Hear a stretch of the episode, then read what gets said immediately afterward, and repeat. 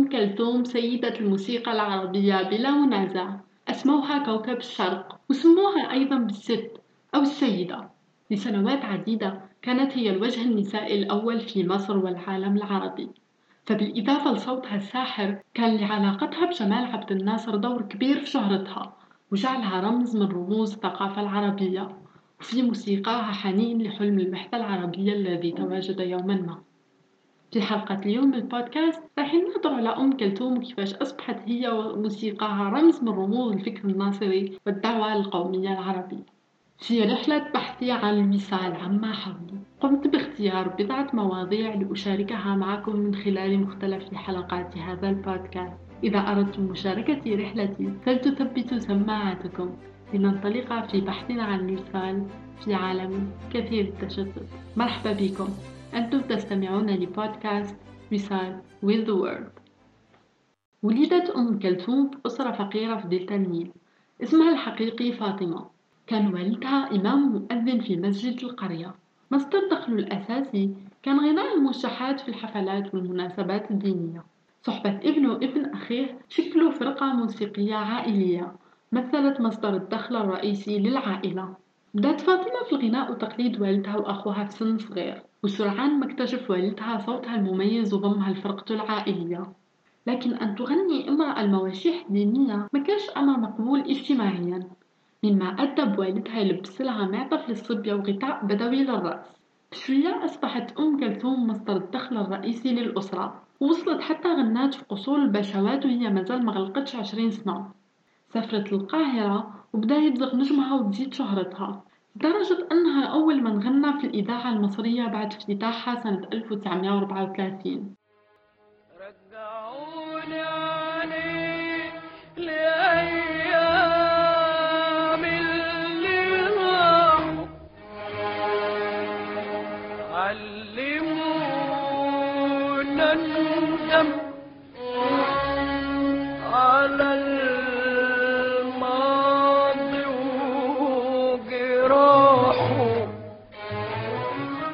في القاهرة تلقات بكبار الملحنين مثل السنباطي ومحمد عبد الوهاب ووصلت حتى غنات للملك فاروق أكثر من مرة وتحصلت منه على قلادة صاحبة العصمة. 23 يوليو 1952 انقلاب خالي من الدموية على الملك فاروق نفذه جماعة ضباط من الجيش المصري للإطاحة بالحكم الملكي. جاء هذا الانقلاب لأن هؤلاء الضباط كانوا يشوفوا باللي ضعف الملك فاروق وموالاته للبريطانيين هو سبب خسارة حرب فلسطين سنة 1948 نتج عن هذا الانقلاب طرد العائلة الملكية من مصر. تعيين محمد نجيب رئيس البلاد وبعده عين جمال عبد الناصر. ولأول مرة يحكم المصريون أرضهم بعد عدة قرون من حكم الأجانب. كان آخرهم العائلة الملكية اللي تنحدر من شرق أوروبا. في هذه الفترة أعلنت الحكومة المصرية الجديدة العداء لكل ما له علاقة بالنظام القديم وعليه قرر أحد الضباط منع أم كلثوم من الغناء في الإذاعة لكونها كانت مقربة من الملك فاروق. عندما سمع عبد الناصر بالخبر انتقل شخصيا لها وطالبها بالعودة للغناء ومن هنا بدأت صداقة عظيمة ربطت بيناتهم.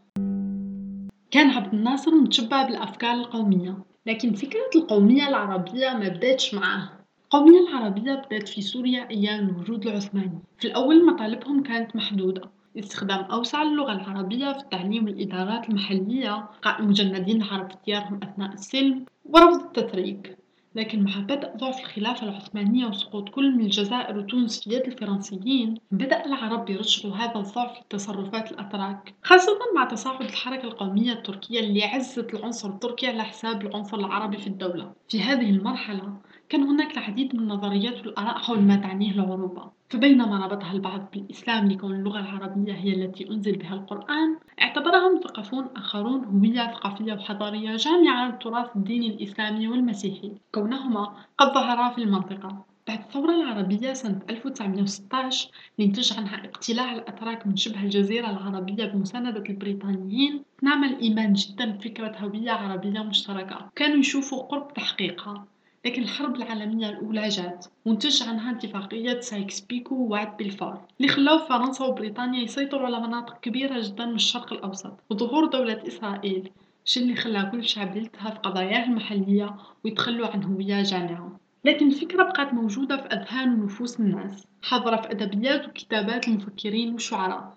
من الناس اللي كانت متأثرة بهذا الفكر كانت والدة جمال عبد الناصر حتى أنها اسمت أحد أبنائها عز العرب. جمال عبد الناصر كان متأثر جدا بوالدته في صغره.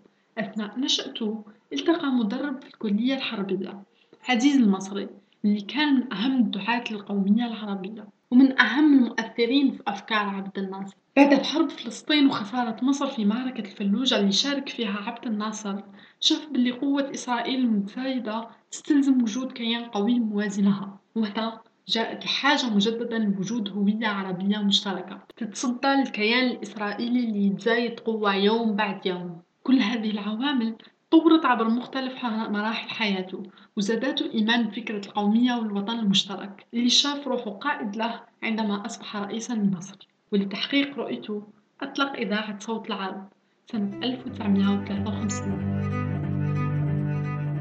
صوت العرب ينادي أمة العرب من قلب العروبة النابض من القاهرة.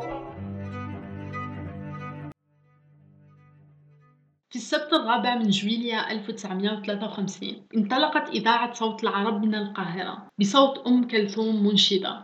أمجاد يا عرب أمجاد. صوت العرب بدأت كإذاعة مصرية ناطقة باللغة العربية موجهة لعموم العرب. بدأت ببرنامج وحيد يمتد لساعة واحدة لكن سرعان ما تفطنوا لأهميتها وزادت ساعات وقوة البث. استعملها عبد الناصر لبث خطبه حول الوحدة العربية ومناهضة الاستعمار الأجنبي.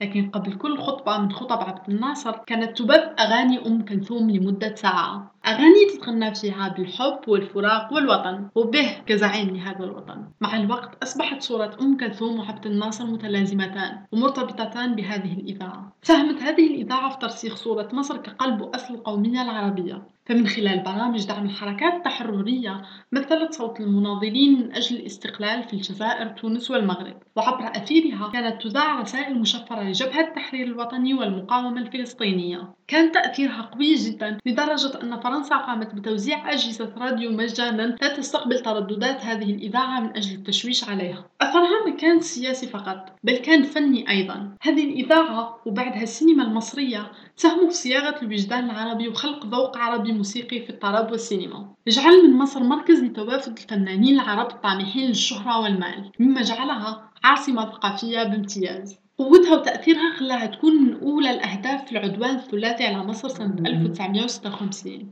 لكن المفاجأة كانت أنها انطلقت مرة أخرى من سوريا ثم من تونس والأردن. بأصوات صحفيين جدد يثبتوا أن الهدف منها قد تحقق.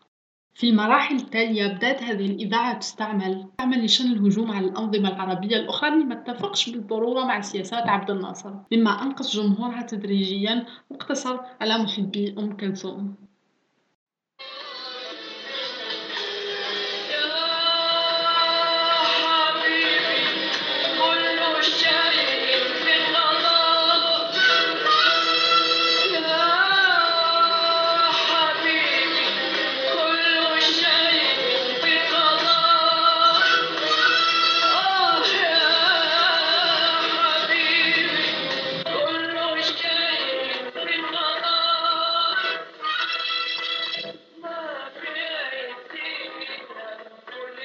لمدة 40 سنة وقفت أم كلثوم على إحياء حفل ضخم في الخميس الأول من كل شهر مما جعلها رمز لموعد اجتماعي يلتقي فيه الناس للاستماع لها في البيوت. أصبحت جزء لا يتجزأ من حياة المصريين اليومية وتأثيرها عليهم كان كبير جدا.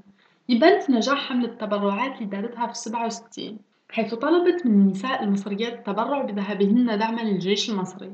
والعديد من النساء لبينا طلبها فعلا وتخلينا عن صياغتهن من أجلها. استعمال أم كلثوم من أجل استقطاب الجماهير مقتصرش على عبد الناصر فقط. يقال بلي في حرب 72 كانت إسرائيل تبث أغانيها قبل النشرة الرئيسية لتضمن متابعة الفلسطينيين لها. الصراع الإسرائيلي الفلسطيني مرتبط جدا بالفكر الناصري واللي بدوره مرتبط بأم كلثوم. العديد من الحملات اللي تطالب بالسلم الآن بين الفلسطينيين والإسرائيليين اتخذت من موسيقى أم كلثوم واسطة ورابطة بين الضفتين وخاصة من قبل الأجيال الجديدة من الإسرائيليين المنحدرين من أصول عربية واللي يشوفوا في أم كلثوم بحث عن هويتهم الضائعة. لطالما استعمل الفن من أجل تطبيع السياسة هذا واضح، لكن أم كلثوم وتأثيرها ما نقدروش نقارنوه بأي شخص آخر، أم كلثوم ما عبد الناصر، لكنه ساهم جدًا في إنها تصبح الأسطورة اللي هي عليها الآن، فبالرغم من كلش تبقى هي ست الطرب العربي، يقال بلي جنازتها حضرها وفد خفير من الناس، وبقاو يطوفوا بها لساعات وساعات في شوارع القاهرة قبل دفنها، في النهاية شكرًا لكم للاستماع إلى هذه الحلقة من البودكاست، إن شاء الله تكون عجبك إن شاء الله يكون عجبكم الموضوع، ما تنسوش تشاركوني رأيكم على مواقع التواصل الاجتماعي، كنتم تستمعون البودكاست مثال with the word إلى اللقاء.